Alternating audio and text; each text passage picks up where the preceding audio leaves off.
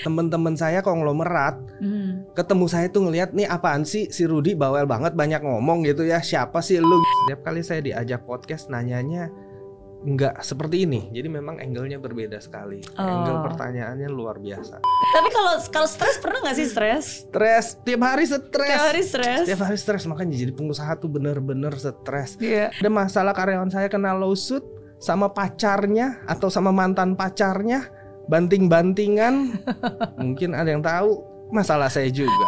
Ini super power yang saya miliki ya. Oke. Nih, sebenarnya tuh kita dalam hidup bisa menemukan pelajaran dari setiap apa yang kita lakukan. Mhm. kadang hidup kita mengalami kesulitan dan kadang hidup kita terpecah jadi dua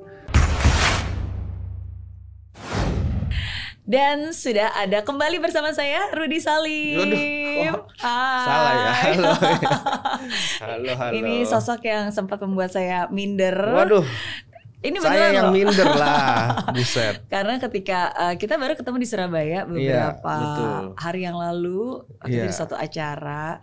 Dan aku sharing itu beneran loh, beneran dari suara hati. Jadi ketika Waduh. lagi di atas panggung kita sharing sejajar, saya bilang, wah ini ada Rudi Salim. Kan apa perusahaannya tuh, wah crazy rich Ah, dengan enggak lah. berbagai macam saya industri. saya crazy doang kagak rich saya crazy gitu crazy person saya Oke, tapi hari ini uh, thank you sudah mau hadir di sini.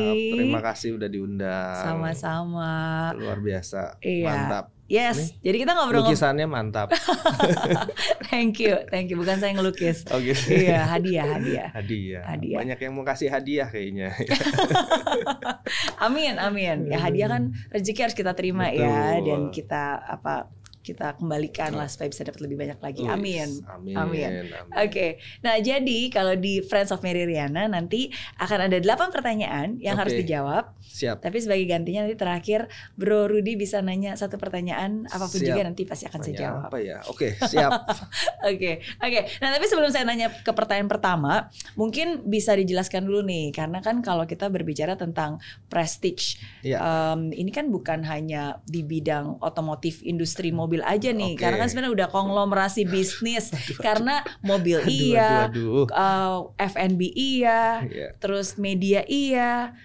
oke wah banyak banget nih. Jadi eh, ya Presis sebenarnya basic bisnis saya microfinance. Hmm. Saya mulai usaha 2006 lah kurang lebih. Hmm. Baru mulai buka Prestige Motor Cars itu di tahun 2012 apa 13 gitu. 2012 Desember saya import, 2013 nyampe mobilnya. Jadi bukanya 2013. Oke. Kurang lebih begitu. Jadi baru 7, 8, 9. Hampir 10 tahun. Hampir 10 tahun. hampir 10 tahun.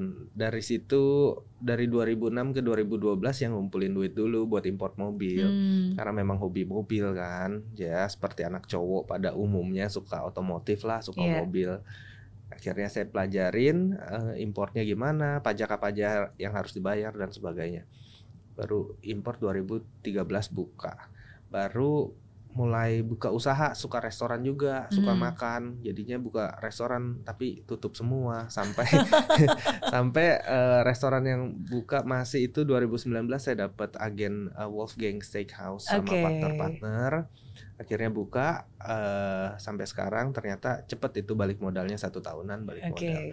Tapi di semasa perjalanan itu saya memang suka eksplorasi usaha-usaha ya. Jadi Hmm. saya ada buka lantern festival, saya ada buka bazar, saya ada buka eh, campur-campur banyak eh, usaha-usaha lain. Hmm. Eh, baru akhirnya kita mulai buat, saya mulai bentuk namanya Prestige Corp.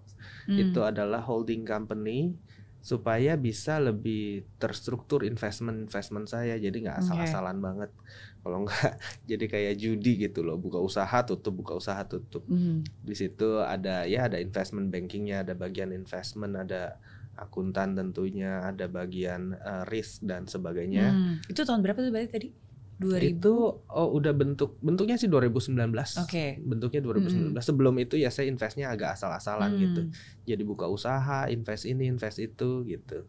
Eh, 2019 baru diseriusin Hmm. 2020 mulai eh, aviasi. Jadi saya ada produknya sekarang namanya IHENG 216 itu autonomous aerial vehicle kendaraan udara tanpa awak. Jadi pesawat nggak pakai pilot Kayak drone ya. kayak drone Mm-mm. begitu itu udah ada uh, buyer 100 unit untuk kargo. Mhm. Kita lagi menunggu izin. Jadi Oke. nanti bakalan ada drone terbang-terbang gitu. Wah seru. Dan ada orangnya di Ada situ. orangnya. Penumpang Bisa ya. ada orangnya. Mhm. Uh, di tahun 2014 saya mulai masukin Tesla Mhm. karena saya tahu ini masa depan tidak terelakkan lagi pasti berpindah dari fossil fuel ke uh, electric vehicle. Jadi uh, memang saya udah impor Tesla dari 2014-an, 2019 ternyata presiden keluarin Perpres nomor 55 tahun 2019 tentang percepatan kendaraan bermotor berbasis baterai. Jadi di Indonesia ini memang mau digalakkan mobil listrik kurang lebih Hmm. gitu. Jadi lumayan penjualannya meningkat pada ta- tahun itu. Sebelumnya Sekarang baru tren padahal udah mulainya dari dulu ya. Iya begitu. Jadi saya mm, suka melihat peluang, tapi kadang salah. Sering salah sih lebih tepatnya.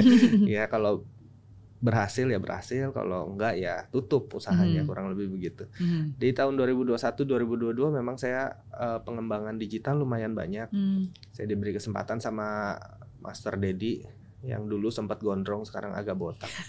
itu untuk bisa bergabung invest di perusahaannya Oke. eh, Dektos yang produknya adalah podcast eh, Close the Door. Valuasi perusahaannya meningkat terus. Sekarang Hmm. sudah hampir 2 triliun valuasi perusahaannya Hmm. dan eh, Master Dedi ini kan memang orang yang sangat pintar dan visioner Hmm. di bawah Dektos ini sendiri sudah ada kurang lebih 30 konten kreator lainnya yang dinaungi oleh uh, podcast Close the Door ini. Hmm. Dan lalu saya ada melakukan investment di Leslar Entertainment, Oke. di Leslar Entertainment. Uh, terus ada di uh, Sule Production Espro, Oke. terus ada di Pesulap Merah Productions. Baru ya, gitu. yang terbaru. Itu baru baru Oke. kita mau kembangkan karena seni sulap itu sebenarnya di luar negeri sangat diminati ya di Hmm. Amerika itu udah show grand show di Vegas gitu loh Hmm. di Indonesia itu hilang saya mau ciptain lagi jadi nanti mungkin Iya. ada akan ada ring merah namanya di situ Oke. adalah pembuktian pembuktian eh, siapa yang punya keahlian keahlian bisa dance bisa sulap bisa tinju bisa Hmm. macam-macam lalu nanti saya bikin lagi eh, pesulap merah show eh, roadshow keliling Indonesia Oke. Jadi tiketnya kita jualin buat nonton show sulap Oh, that's gitu nice. stage magic dan ilusionis jadi yang Oke. kayak di luar negeri lah Karena Tapi- pesulap zaman kita sekarang udah berubah jadi youtuber. iya, makanya saya pengen keluarin lagi tuh itu yang tiket masuknya murah aja deh Oke. 100 150 ribu biar masyarakat bisa menikmati Iya. gitu kan. Yang sebelumnya ada nyanyinya dulu dan sebagainya. Lalu ada yang bergabung lagi ada eh, baru aja, cuman belum preskon. Ada Putri Delina, ada Deddy Mulyadi dan Hmm. itu baru kita setup. Jadi em, di bawah Prestige Production, di bawah Prestige Corp itu di bawah Dektos banyak sekali dan saya sama Raffi tentunya ada kemarin bikin klub bola, klub Hmm. basket, lapangan sepak bola, kebun binatang. Jadi eh, bisnisnya diverse lah, campur-campur. Hmm. Lumayan membingungkan. ya. saya juga kadang bingung mau cari apa sih, bingung juga. Eh, tapi dari segitu banyak sangat-sangat luas sekali nih. Bahkan tadi bikin zoo, Iya, bikin zoo. bikin Zoo-nya eh, nih bulan 6 tahun depan wah, jadi nih. Oke, Waduh, oke. pokoknya kita ada 31 spesies binatang, ada Pikachu, Pikachu. Iya, nama binatang aslinya saya lupa. Cuman Uh-uh. setiap kali di pitching sama yang jualan, ini Pikachu loh. Oke, siap Pikachu. Oke. Tapi nama binatangnya apa lupa. Oke. Mirip Pikachu gitu loh. Jadi ya Hmm. kita ada 31 spesies di situ dan ya bulan Juni lah tahun depan buka. Kalau nggak malu ntar orang play katanya Juni, katanya Juni nggak buka-buka gitu kan. Ya Iya. Juni, semoga Juni tahun Amin, depan buka. amin, amin. On progress Iya, on ya. progress. Nah, tapi dari ini pertanyaan pertama nih berarti dari semua hal yang tadi sudah dicapai dibangun eh, apa yang paling dibanggakan? Aduh, ini paling banggakan ya. Saya saya nggak bangga apa-apa ya. Saya gini-gini aja loh. Malu sebenarnya saya setiap kali di interview saya malu betul-betul malu. Temen-temen saya konglomerat Hmm. ketemu saya tuh ngelihat nih apaan sih si Rudi bawel banget banyak ngomong gitu ya. Siapa sih lu gitu loh. Maksud sih? Iya nggak nggak. Aduh malu saya tuh kalau ketemu ini eh, Senin ada meeting misalnya sama bos besar yang punya chain hotel di eh, apa namanya di Indonesia Iya. gitu kan ya dia ngobrol biasa aja maksudnya saya bener-bener malu kalau dibilang kaya atau sultan atau apa itu saya sangat nggak nyaman ya gitu loh Hmm. aduh eh, ya udahlah berteman normal aja manusia pada umumnya tidak ada yang lebih kaya atau apa kita pandang orang mungkin dari dari ya Hmm. personality ya gitu jadi kalau apa yang dibanggakan apa ya gini-gini aja sih tapi saya bangga sama anak-anak saya Oh. kebetulan anak saya empat Wow. menurut saya jauh lebih pinter dari saya dulu. Saya dulu kayaknya blow on banget nih anak pinter banget. Terus ngomong Inggris lagi sosokan nih apa sih nih anak emang anak bule apa? Paling besar umur berapa sekarang Paling anaknya? bule umur 9 Oke. 9 apa 8 ya? Gitulah. lebih. paling kecil? Paling kecil satu tahun lebih oh baru. beberapa bulan. Oke, oke. Iya, lumayan produktif saya. kayaknya. Iya. Jadi ada empat anak, ya cewek satu, cowok tiga dan eh, semuanya menurut saya saya sangat bangga karena sangat bright ya. Menurut saya pinter Hmm. dan ya gitulah. Iya, karena pasti turunan dari orang Aduh. tuanya nih. Kagak turunan saya saya kuliah aja kagak apaan. Tapi masa kecil apa nih yang paling diingat? Karena kan kalau tadi em, apa Rudi Salim bilang bahwa em, dulu bandel, kuliah Masa juga nggak apa kelar katanya. Iya betul. Masa kecil paling diingat. Eh, se- ingat-ingatnya rabun-rabun gitu ya saya samar-samar Hmm. gitu ya. Kayak di metaverse nih ingatnya nih. Jadi kayak samar-samar. Masa kecil yang paling saya ingat itu sebenarnya eh saya dari broken family. Mama papa saya cerai. Saya ikut Hmm. mama saya. Yang saya ingat tuh mama saya demi menghidupi anak-anaknya tiga itu jam 5 pagi udah pergi praktek. Hmm. kerja. Kan dokter kan. Dokter apa? dokter eh, cewek gitulah apalah nggak tahu kulit kecantikan kulit gitu kecantikan. Oke, oke. Eh, jadi jam 5 pagi udah pergi Hmm. pulangnya jam 10 Malam. malam Hmm.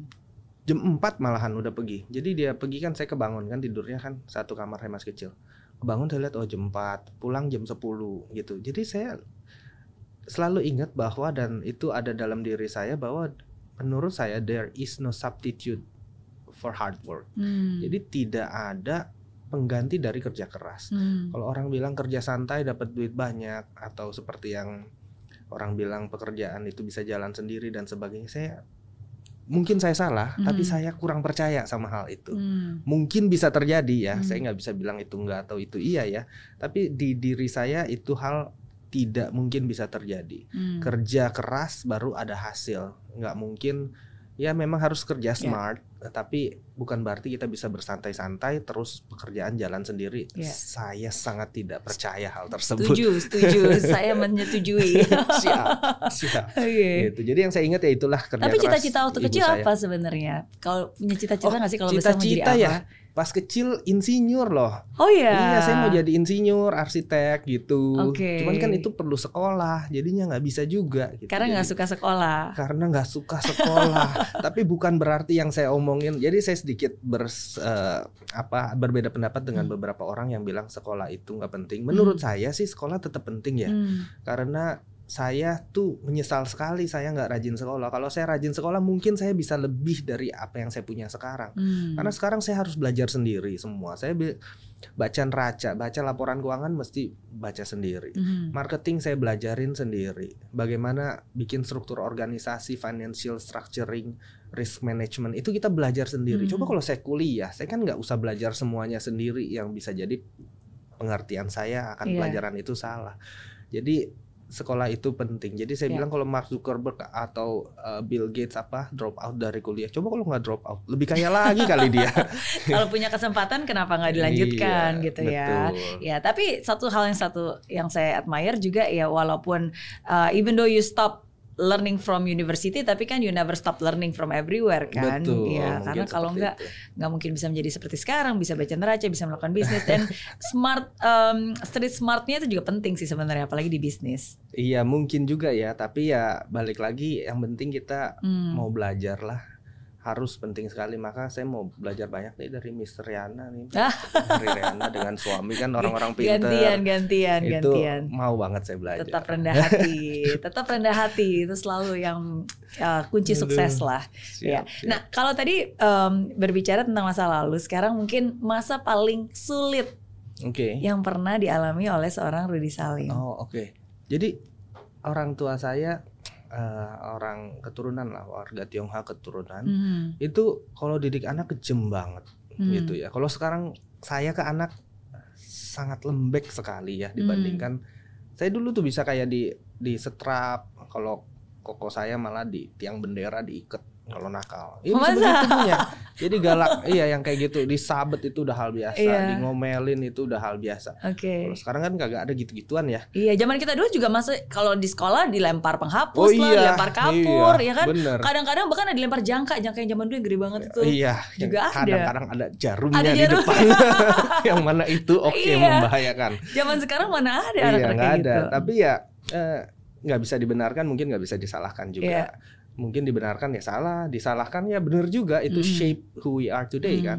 Jadinya eh, saya dididik agak keras. Jadinya eh, saya eh, apa namanya pada saat itu kalau nggak kuliah nggak usah pulang, nggak usah ketemu orang tua. Hmm. Itu yang dibilang. Jadi itulah titik di mana saya lumayan eh, stres ya Hmm. di mana nggak ada safety net lagi. Saya tahu di mana orang tua saya, pokoknya lu kalau nggak jadi orang nggak usah ketemu gua deh, kurang lebih Hmm. begitu. Jadi nggak ada safety net, nggak ada comfort zone. Oke. Biasanya pulang apa-apa ada semua. Ini saya harus keluar dari rumah, ada apartemen, jadi saya tinggal sendiri di situ. Umur berapa tuh waktu itu? Eh, kuliah 19 ya, Oke. 19-an lah pas. Iya, pokoknya bilang kalau nggak sukses Iya. jangan pulang Saya kan gitu. kuliah 17 kalau nggak salah. Uh. Dua tahun kemudian saya drop out hampir ya. Oke. Eh, Saya nggak pernah drop out. Saya keluarin surat undur diri. Oh, mengundurkan diri. Seminggu sebelum drop out saya tahu nih 40 SKS nggak dapet 4 semester. Bikin surat pengunduran diri. Pak, saya Iya. ngundurin diri ya. Padahal minggu depan drop out. Jadi saya undurin diri. Mama saya ngomong begitu. Jadinya ya Hmm. pada saat itulah agak stres. Tapi justru menurut saya itu yang buat titik balik di situ juga saya bisa jadi dewasa. Kalau nggak mungkin saya Hmm. main game doang kerjaannya, hahe-hahe doang, cengengesan doang, Hmm. dan mungkin sok jagoan doang anak-anak kecil zaman dulu ya kayak gitu gitulah. Hmm. Gitu. Iya, ya kadang sesuatu hal yang memang em, mungkin terlihat seperti pahit, tapi sebenarnya rasa pahit itu yang em, membuat kita melek kan, Iya, dan membuat kita betul. sadar. Kalau nggak gitu kan akhirnya nggak mungkin bikin bisnis eh, di kaskus, Iya. jualan eh, handphone, jualan produk-produk iya. elektronik, Kepepet nggak ada modal. Betul. Kita nggak ada modal pada saat itu. Buka ruko, habis duitnya buat sewa ruko. Mhm. terus beli COGS lagi beli uh, uh, goodsnya beli alat-alatnya misalnya jualan elektronik harus taruh TV TV TV handphone Hmm. handphone handphone modalnya nggak cukup pada saat itu yang barrier of entry-nya mudah adalah jualan secara online Hmm. kaskus pada saat itu kan sekarang kan banyak online Iya. shop Andrew Darwis seneng nih saya ngomong kaskus mulu. Eh, jadi Sundul kan, sundul terus biar jadi naik. saya jualan di situ ternyata booming saya ada 16.000 ribu customer di kaskus pada Hmm. saat itu ya Jualan itu kan tadi Iya, handphone, jualan produk-produk. handphone tapi saya kasih termin pembayaran. Oke, Duitnya habis dong. Saya buka investment di Kaskus lagi, duit dari Kaskuser buat Kaskuser. oke. Iya, kan duit saya jualan mobil waktu itu, mobil saya. Pokoknya kan nggak dikasih pulang. Mobil saya jual. Mhm. Adalah 200 apa berapa kurang lebih. 200 juta.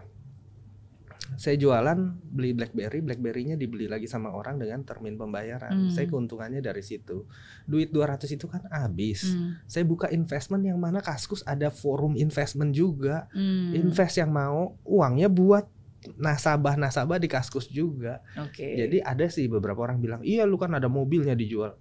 Gua nggak ada mobilnya juga gua buka investment dari Kaskus terus buat Kaskus lagi juga Iya, bisa gitu Iya, loh. iya. Jadi ya ya pada saat itu opportunity-nya seperti itu. Oke, Setiap zaman opportunity-nya kan beda-beda. beda-beda. Kalau zaman orang tua kita mungkin beli tanah dulu 2000 rupiah Iya. per meter. Sekarang mana bisa? Betul. Opportunity-nya adalah di tanah pada zaman dulu. Betul. Sekarang opportunity-nya di digital menurut Hmm. saya gitu. Hmm. Jadi ya nanti nggak tahu deh zamannya anak saya opportunity-nya di apa. Kalau kita lihat lima tahun lalu mana ada sih orang kerjaan kerjaan lu apa youtuber mana ada. ada. Iya. Bahkan tiga empat tahun yang lalu kerjaan lu apa youtuber masih diketawain. Iya. Sekarang kerjaan lu apa youtuber gue juga mau dong jadi gitu gitu kan. Betul. Iya. Kalau tanya anak kampus lu mau jadi apa mau jadi youtuber gitu dan itu Karena Eh, bukan hanya hobi, bukan hanya bisa jadi profesi, tapi ini bisa menjadi keuntungan. sebuah keuntungan yang luar biasa dan membuka lapangan pekerjaan bagi banyak orang Betul. juga. Dan Jadi potensinya ada di sana. sangat ada dan Mm-mm. ke depannya itu digital maka kita harus fleksibel nggak boleh membenarkan atau menyalahkan sesuatu menurut Iya. saya Iya. Gitu. Terus open mind. betul open Oke. mind Pertanyaan keempat. oke Oke, gampang nih, udah setengah jalan. harus Oke, deg-degan nih Karena kan kalau tadi keempat. um, apa mendengar cerita sharing dari seorang Nuri Salim berarti kan karena didikan orang tua ya kan Iya. um, walaupun dengan tanda kutip agak keras tapi justru paksaannya itu yang rasa kepepetnya itu yang akhirnya membentuk dan membuat jadi lebih mandiri, lebih tahan banting sehingga apa pun juga yang terjadi sekarang ya tetap bisa dijalani dengan apa ya open mind dan dengan optimisme lah. Oke. Oke, Nah, siap. tapi saya yakin dari segala macam perjalanan hidup itu mungkin ada hal-hal yang sangat tidak terduga, sesuatu yang ajaib, sesuatu yang mukjizat, Sesuatu, uh, sesuatu aja. yang sangat spiritual. Oke. Apa pengalaman paling spiritual yang pernah dialami? Oke, apa pengalaman paling sp- aduh spiritual? Sebenarnya aduh, mana ya? Saya nggak enak juga. Eh, saya tuh bukan orang yang eh, rohani ya, Hmm. tapi saya cukup percaya bahwa eh, apa namanya kepercayaan saya itu yang menjaga saya. Hmm.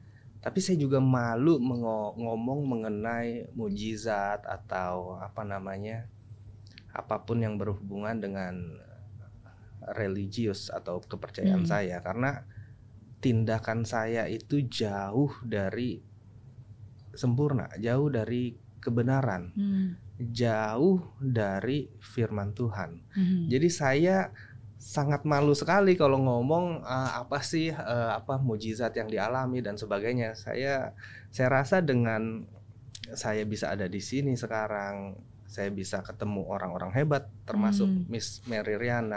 Itu udah mujizat juga buat saya Hmm. gitu loh. Tapi kalau saya ngomong eh, pengalaman religius dan sebagainya, eh, eh, malu saya, saya banyak dosa kok gitu. Jadi, aduh, jadi ya, ya mujizat buat saya setiap hari itu mujizat. Dan saya cukup me appreciate lah apa pun itu, bagaimanapun itu keadaan itu menurut saya ya mujizat. Hmm, oke. Ada nggak hal-hal yang seperti mungkin misalnya, um, mungkin nggak nggak perlu dibilang seperti kayak mukjizat ya, tapi kan Hmm. saya yakin suatu momen di mana oh nggak mungkin ini nggak mungkin bakal terjadi, eh ternyata diwujudkan dan terjadi. Atau mungkin benar-benar udah hopeless, kayaknya nggak akan ada jalan keluar, kayaknya udah nggak tahu lagi mau gimana, eh tiba-tiba ada pertolongan atau tiba-tiba Oke. bisa berhasil. Itu memang sering saya eh, rasakan ya dalam hidup. Eh, artinya itu memang contoh gini deh. Em, saya kasih contoh Hmm, ya. Eh, Miss Mary bisa pegang tangan saya di sini ya. Mungkin kamera bisa ke sini, Sini, di sini ya, ditutup. Tapi nggak tahu ya ini berhasil apa enggak. tutup. Saya bisa minta em, ya Tutup, ini kencang. di eh, saya bisa minta itu eh, pen Pen. ya. Kita taruh sini ada HP ada nah bingung kan mau ngapain kan kertasnya boleh pinjam dulu Kertas boleh. taruh sini ya sama aduh ini agak susah tapi ini nggak boleh dilepas Oke. ada air ya Aha. di antara empat barang ini Mhm. coba Miss Mary sebut dua atau tunjuk dua pakai tangan satu lagi Hmm. tunjuk aja di antara empat ini dua satu dua tiga empat Oke, tunjuk ya. tunjuk aja sekarang Tunjuk.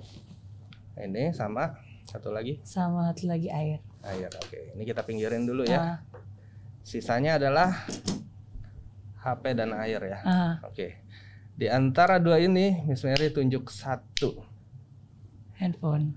handphone ya ini kita nggak pernah ada Cio main sulap kita nggak pernah ada arrangement apa pun dan tangan saya tadi kosong nah sekarang pakai pen merah ini pakai tangan kanan Ah. seolah-olah gambar di sini tulisan H P ya bayangin Oke. bayangin tulisan H P Ah. udah kebayang belum Oke. udah kebayang ya jadi kalau salah atau kalau nggak keluar tulisannya salahnya Miss Mary ya tadi ada empat barang yang Oke. pilih adalah Miss Mary sendiri Oke. dan ini harusnya jadi keajaiban Wow. wow seram sekarang dibuka coba Buka.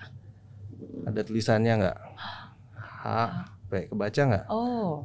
tuh H P ini makin jelas nih mestinya gitu loh ih serem Wah, banget Kok bisa? tuh baca nggak Iya. HP nih kalau gini mungkin lebih jelas Iya, iya, ada H-nya, Nah, ada P-nya. gitu itu tulisannya tadi pakai pen Gitu. Jadi itulah Jadi artinya artinya itulah keajaiban-keajaiban yang bisa kita ciptakan sehari-hari gitu loh. Ih, serem banget sih. Wow, kok bisa sih?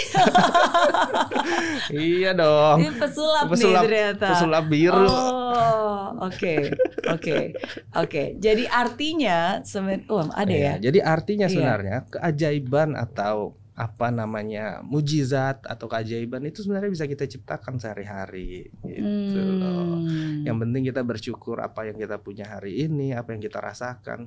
Kita bisa napas aja itu udah mujizat Iya, kok. iya. Iya kan berapa banyak orang yang umur 20, umur 30 meninggal. Iya. Kemarin saya baru lihat teman saya uh, punya relasi, anaknya umur berapa tahun meninggal. Iya, Kita bisa hidup aja itu udah mujizat dan itu Iya. perlu kita hargai. Sangat setuju. Nafas yang kita em, dapatkan ini itu bukan sesuatu yang gratis sebenarnya. Hmm. Baru-baru ini saya juga eh, sempat sharing dan dia bilang nafas yang kita tuh nggak gratis ini.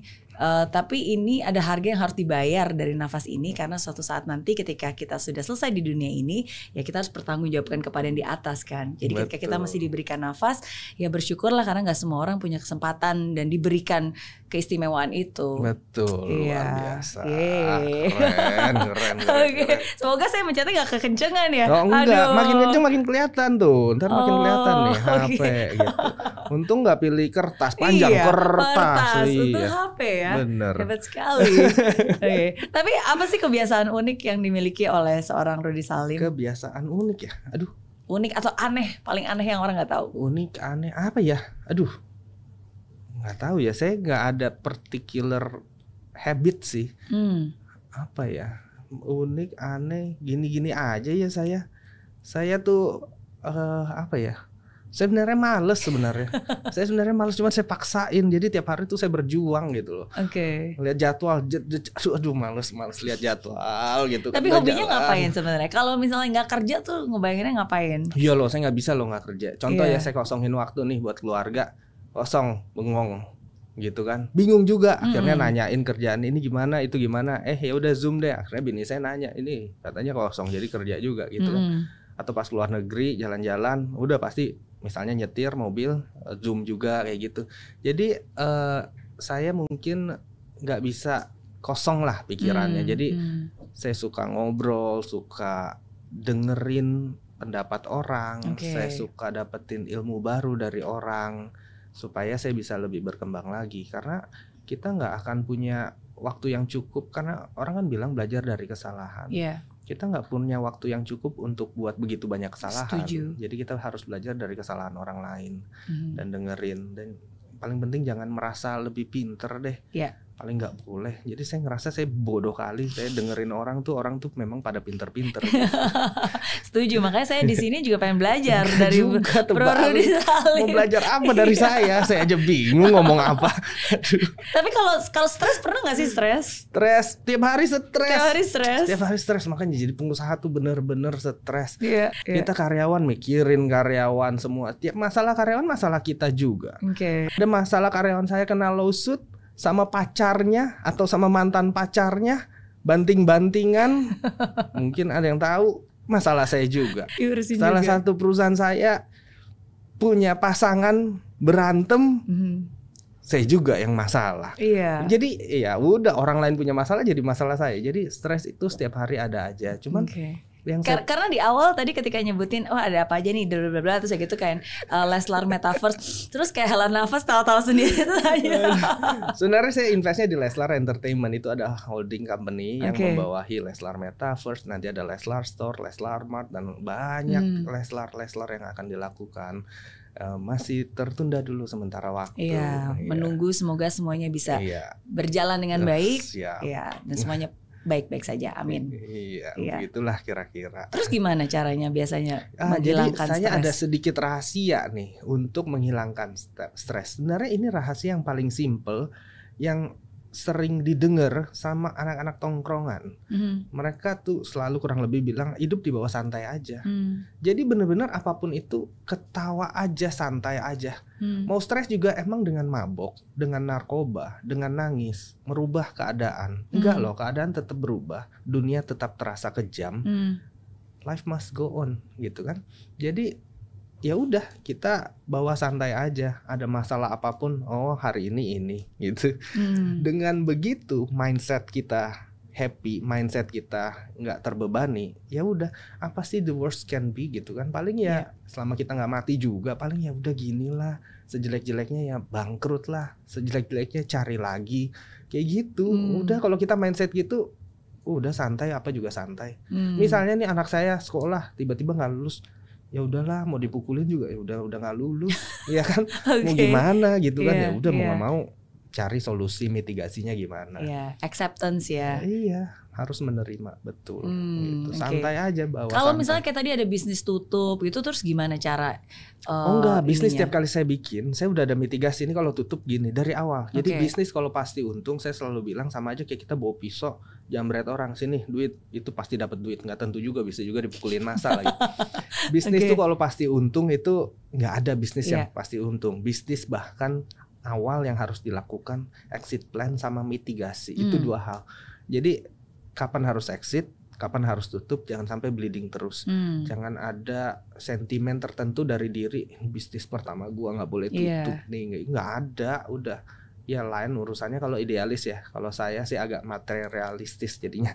Kalau nggak ngasilin duit tutup. Ngasilin duit Hmm, tutup. Eh, hmm. karena realistis aja kan bisnisnya buat nyari uang. Iya, karena kan ini bisnis iya ya betul. kan. dan dari uang itu kita bisa memberikan kesejahteraan dan kemakmuran Hmm. pada orang-orang yang ada di sekeliling bisnis itu Hmm. malahan makin kasihan orang yang masih ada di bisnis itu ngikutin bisnis itu bangkrutnya ditahan-tahan Iya. dia jadi nggak bisa pindah ke tempat lain karena masih di situ Iya. kita kan mesti memberikan dia kesempatan untuk ke tempat lain mana tahu bisa lebih baik gitu Hmm. jadi kalau nggak bisa berjalan ya langsung tutup Iya. menurut saya gitu tapi banyak sekali orang yang nggak setuju netizen juga banyak yang nggak setuju. Wah jadi nyari untung doang ya masa nyari capek nyari untung harus tapi nyari untung kan bukan berarti jahatin Setuju, orang setuju. bukan berarti bohongin orang Betul. kita untung karyawan kita untung karyawan Betul. makin sejahtera bisnis makin baju ma- maju lapangan pekerjaan makin terbuka Iya, sama itu juga salah satu prinsip yang juga saya selalu bikin dan buat dari sejak membangun bisnis dulu di Singapura sampai ke Indonesia. Hmm. Karena kan bukan hanya impact ya, everyone want to talk about impact. Saya sangat setuju, saya juga pengen meng-create impact, tapi kan Iya. harus ada income-nya juga. betul Karena kalau misalnya there is no income, ya gimana impact-nya bisa sustainable dan bisa di- dibagikan dan di, di apa eh, diteruskan kan. betul Ya, tapi ada same time sih of course kalau misalnya kita cuma bisnis doang tapi habis itu kita me- merusak hidup orang lain, ya ujung-ujungnya karma juga. Jadi Betul. harus tetap bisa memberikan dampak positif. Iya, pada dasarnya bisnis itu saling menguntungkan kok. Hmm. Nggak ada yang dibohongin, nggak ada yang dirugiin. Hmm, Pihak eh, lawan bisnis ataupun partner bisnis semua merasa diuntungkan Hmm. gitu kan. Jadi bisnis itu harus untung, Oke, win-win. win-win. Iya. Pertanyaan keenam, kalau pengennya super power, pengennya punya super power apa Power apa ya super? dan kenapa? Kalau gue pengen punya super power, super power apa? Apa batasannya apa nih super power? Terserah mau terbang, mau hilangin orang, mau Super power, super power apa ya? Aduh, saya juga bingung. apa pun, mau jalan di atas air, mau ngubah jadi emas, apa pun. Saya saya udah punya super power dikit nih. apa? Miss Mary ada uang berapa? Uang lembar, satu lembar ada nggak? Oh, Nih. wah seru nih seru seru. Atau siapa yang punya? Coba, nah, Nah, oke. boleh. Oke. Nah, Ini super power yang saya miliki ya. Oke. Nih, ini duitnya dari siapa? Tadi dari suami saya. dari oke. Ya, kita lihat nih. Ini super power saya. Ini bukan sulap, bukan sihir. Oke, kayak sihir kayak sulap zaman dulu ya. Iya.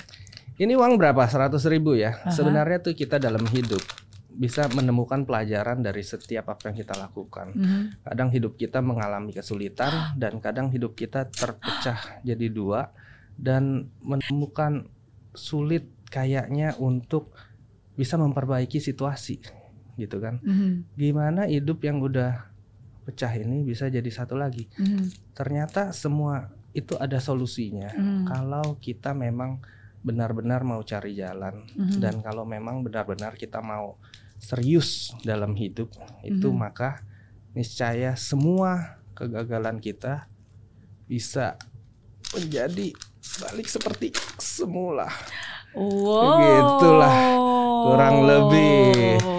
Gitu Iya iya loh. iya. Gimana? Coba cek tangannya, cek tangannya. Tan- tangannya mah aman biasa. gitu. Wow. Kok bisa? Nah, kok bisa saya juga bingung dah gimana iya, bisa. jadi nggak perlu super power lagi. Nggak perlu. super Tapi kalau saya dikasih super power, sebenarnya bukan super power ya. Saya mau apa sih? Saya mau kebijaksanaan. Hmm. Karena kadang tuh ya Hmm. kita pinter, kita bisa bedakan kapan harus maju, kapan harus mundur.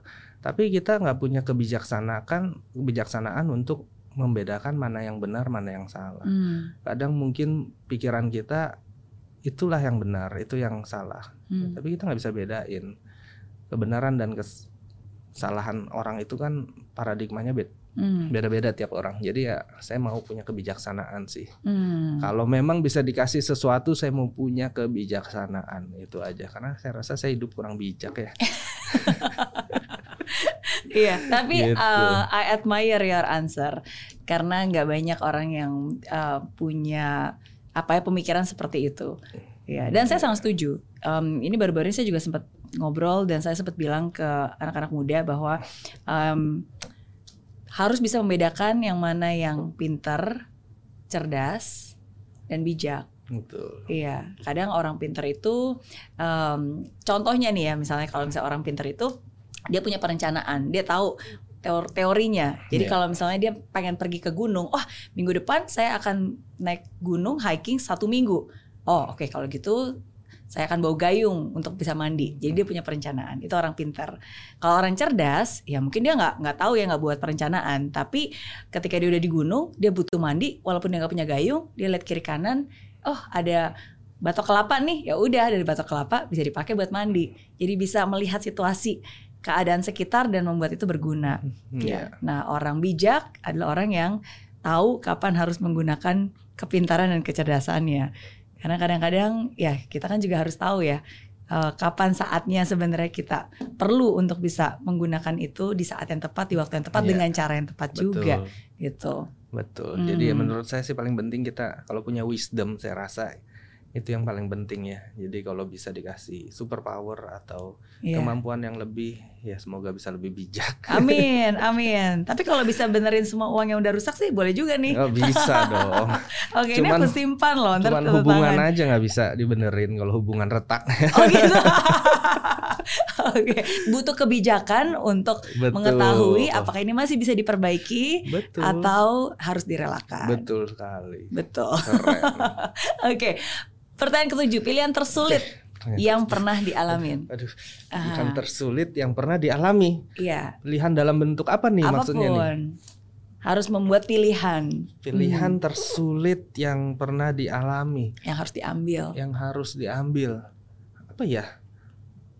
Nggak tahu ya saya saya kadang random juga sih ya. Jadi nggak Hmm. ada yang sulit-sulit amat. Kadang juga pilihan saya banyak yang salah juga. Jadi ya nggak ada yang sulit-sulit amat ya. Apa ya? Nggak ada sih.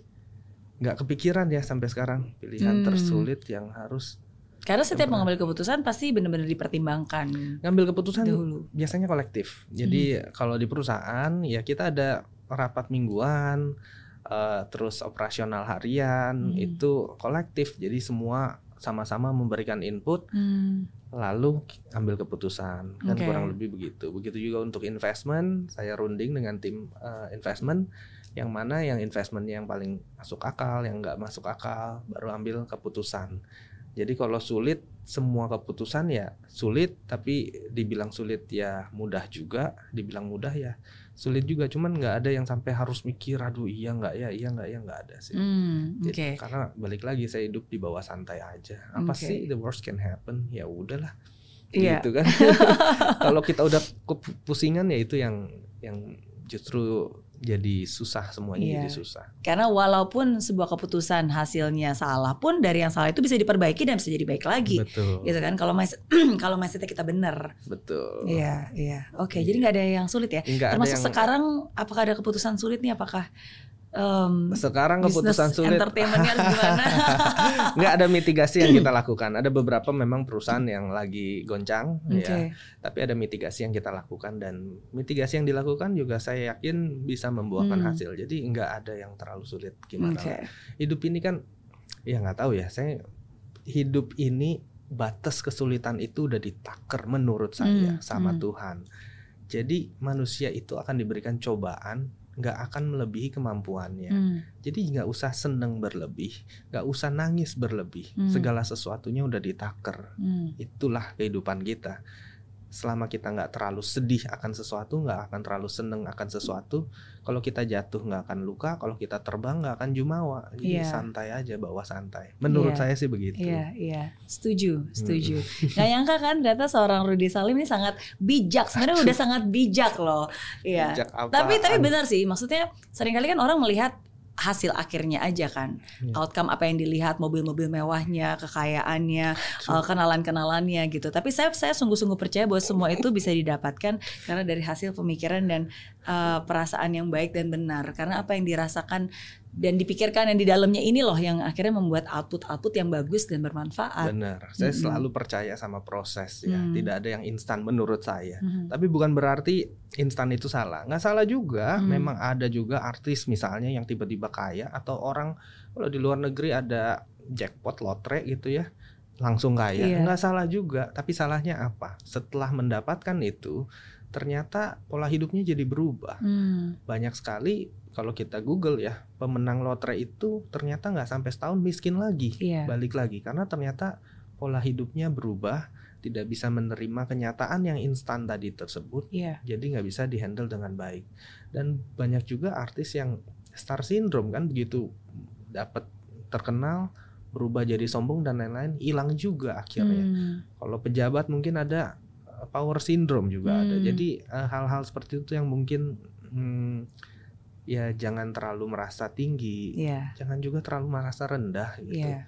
santai aja Santai aja. Iya, Nikmati hidup betul selama masih bisa. iya aja Pertanyaan terakhir, terakhir. oke siap Oke, pelajaran terbaik apa yang hidup pernah berikan sampai saat ini? Oke, pelajaran terbaik ya kalau dari orang tua saya itu ya kerja keras. Hmm. Tapi kalau dari pengalaman hidup, menurut saya yang terbaik itu adalah paradigma ya, cara Hmm. melihat dunia.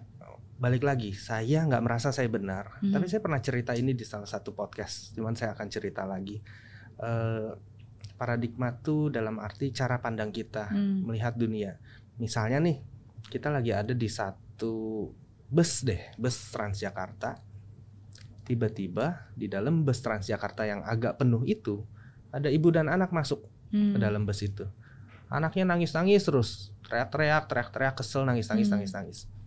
Kita satu bus terganggu kan. Hmm. Apa yang kita lihat dari ibu itu? Mungkin kita lihat, wah nggak bisa jaga anak nih, nggak Hmm. diajarin nih, berisik banget anaknya, rewel gitu, didiemin doang, gitu kan.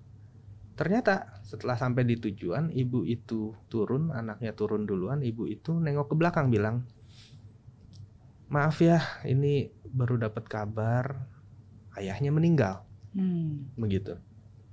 Seketika itu juga pola pandang kita terhadap ibu itu yang tadinya pikir, nih mah nggak bisa jaga anak ya, Iya, tiba-tiba berubah jadi, wah jahat sekali ya saya iya. mikir bahwa ini orang tua nggak bisa jaga anak padahal dia lagi mencoba menenangkan atau kondisi yang unfortunate pada saat Hmm. itu itulah paradigma bagaimana cara kita memandang orang Hmm. begitu juga bagaimana cara kita memandang dunia Iya.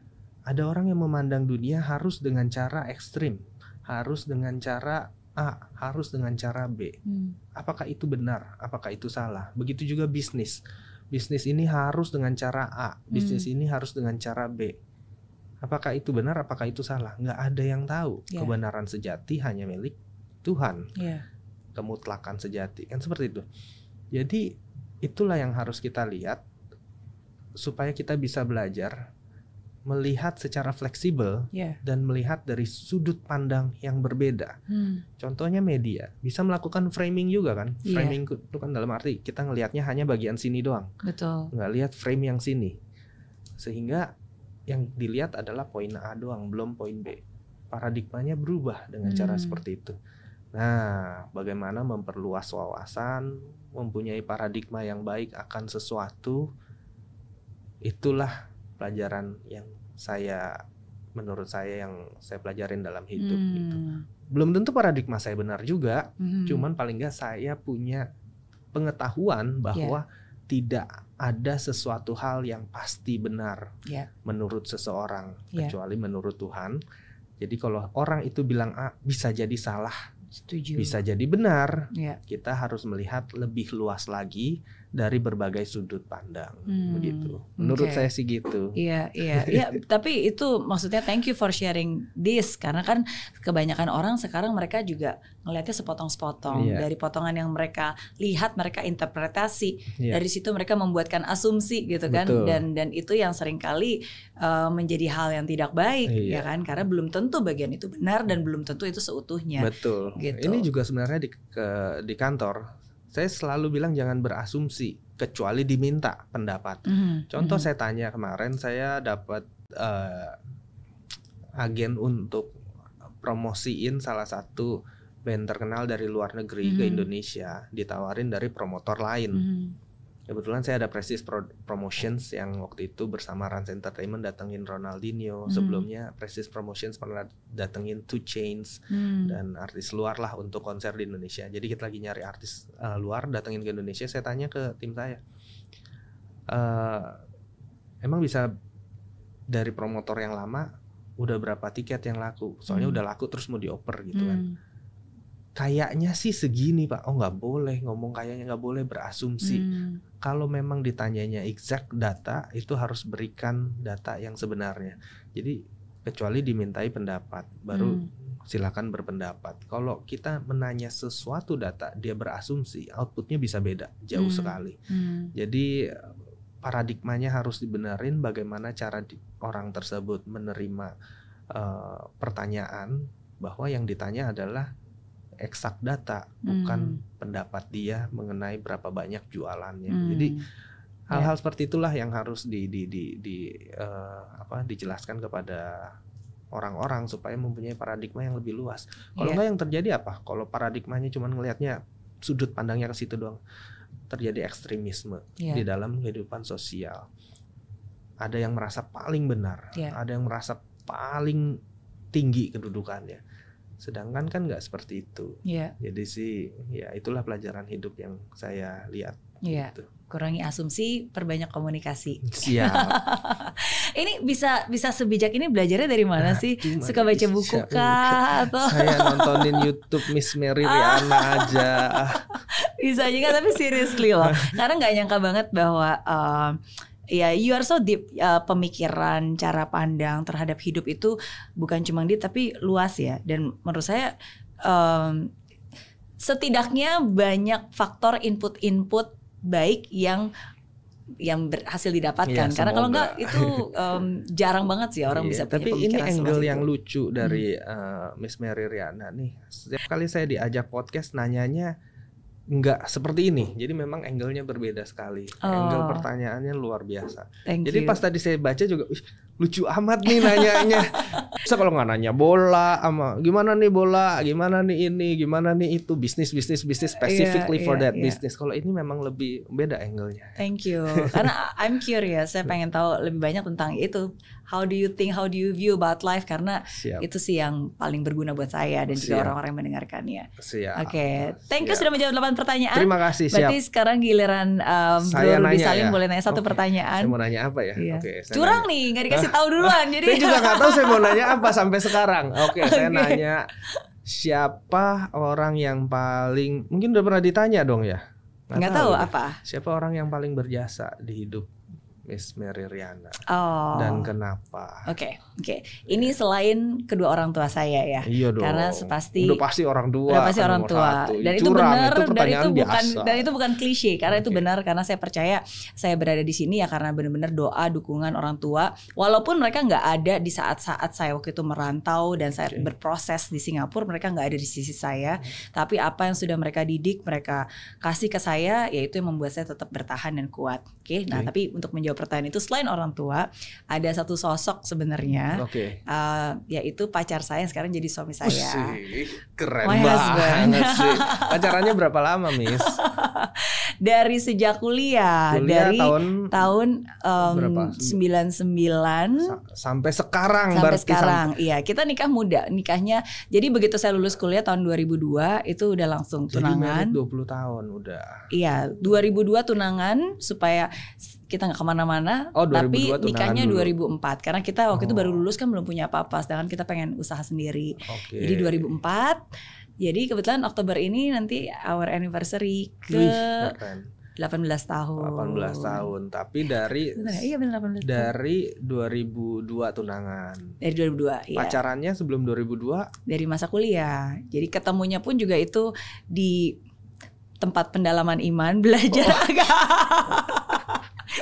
Iya, iya. Oke, Jadi singkat keren. cerita waktu itu jauh dari orang tua, Iya. saya mencari Tuhan dan Oke. dalam proses saya mencari Tuhan, ternyata ya Tuhan mengirimkan malaikat terbaiknya dan dipertemukan di situ dan akhirnya Keren kita berjuang sih. bareng. Beneran beneran ini kayak ajaib itu Iya, iya. kayak nggak mungkin tapi ternyata dapat. Iya, Ya udah kita iya, berproses begitu. bareng. Eh, ya he's my husband, he's my business partner, he's my boss sampai hari ini he's my mentor. Jadi eh, itu sih sosok Pernah yang berantem besar nggak? pernah Oh, berantem pernah. dong pasti semua hubungan Berantem besar gitu. besarnya tuh kayak gimana? KDRT Oh, kayak- KDRT kayak tetangga, no, no. tetangga. Oh iya. itu satu hal yang saya sangat appreciate karena Oke. bagaimanapun juga ya dia sungguh-sungguh Oh menghargai. bukan, Hah? bukan KDRT dari Apa? suami, Miss Mary ada mau Oh, gitu. Eh, ini tipe-tipe ya, hmm, gitu ya, pelampiasan ya. Oke, jadi suami ya. Wah, Suami, keren suami, sekali. iya. Luar biasa. Karena eh, apa ya? Karena ya dia tahu kita saat itu sama-sama belum siapa-siapa, nggak Oke. punya apa-apa, bener-bener cuma punya mimpi. Iya. Ya udah mimpi dan harapan itu yang kita jaga gitu. Oke. Ya dan satu hal kenapa saya sangat appreciate banget karena eh, dia dia ada bersama saya di saat-saat yang paling susah, di saat saya hampir menyerah. Oke. Karena saat yang paling susah itu bagi saya adalah saat ketika kita udah kerja keras, udah mencoba banyak hal, tapi belum ada bukti suksesnya. Kalau sekarang ya. kan kita sudah berhasil, walaupun kita gagal lagi, kita sudah punya acuan referensi. Dulu pernah Betul. berhasil nih, berarti gue nggak gila-gila amat nih beneran nih. kayaknya nggak belon-belon amat iya. ya. Tapi kan pada saat kita udah mencoba belum ada hasilnya kan Iya, sometimes stres. halusinasi. Betul. Ini apakah gue sepintar itu nggak sih? Iya. Beneran nggak sih? Bisa nggak sih gitu kan? Benar. Ya dan itu susah. Nah, nah Betul. cuma di saat waktu itu saya hampir menyerah, ya jadi dia bilang ke saya nggak apa-apa, biarlah semua cerita ini, pengalaman ini, kesulitan ini menjadi sebuah cerita yang bisa kita ceritakan kepada anak cucu kita nanti ketika kita sukses. Gitu. Gitu. Jadi itu sih yang menyemangati saya. Oke, nggak apa kita jalan terus, maju terus. Ya dan semoga ini bisa menjadi sebuah cerita yang bisa kita ceritakan kepada anak cucu nanti. Tuh makanya jadi Gitu. kalau punya pasangan yang setia karena pasangan itu ada suka walaupun duka juga ada kan gitu ya. Iya. Jangan Dan kalau- harus rukun. Iya, jangan kalau ada apa-apa langsung KDRT kan gitu Oh, ya. jangan, Iya, jangan. iya. Oke, siap. Tidak ada satu alasan apa pun yang membenarkan Oke. sebuah KDRT. Siap. Jadi bahas KDRT loh. Ah, enggak, Padahal kan, nggak kan mau bahas ya. kan ngomong doang, iya. Iya, eh iya. belum tentu ada terjadi KDRT kan di Iya, iya. tetangga tersebut. Jadi kan kita nggak bisa membenarkan, nggak bisa menyalahkan sampai Iya, hasilnya iya. ada. Bukan tugas kita untuk menghakimi Iya, itu. siap. bukan kita. Oke, iya ini kayak lagi mancing untuk saya Hah? bertanya ke area Ah, itu nih. enggak, enggak. Saya nggak mau ditanya ke situ. Oh iya jangan, saya juga nggak mau lagi ditanya itu. Ya kita apa pun itu pokoknya tetap aja berprasangka baik lah, karena Asik. seburuk-buruknya manusia pasti dia punya hati juga, Iya. dan sebaik-baiknya manusia pasti dia juga punya kesalahan. Tuh. Jadi siapakah kita yang Menghakimi. menghakimi, dan menjudge? Iya. Ya kita setuju. doakan semoga semua baik-baik saja. Doakan juga semoga semua bisnis-bisnisnya Bro Rudi lancar, kasih. aman, makin bersinar, makin meroket. Semoga saya jadi orang kaya beneran. Iya kan gini mah belum kaya malu lah malu malu. Tetap humble, tetap rendah hati. Siap. Thank you, thank you sudah berbagi, sukses terus. Jangan lupa juga untuk subscribe ke channel YouTube-nya. Terserah yang mana. Pada banyak soalnya ya. Yang mana nih? Nggak ada yang jelas. Prestige kali ya, yang prestige ya. Productions. Iya. Thank you, sukses selalu. Thank you so much.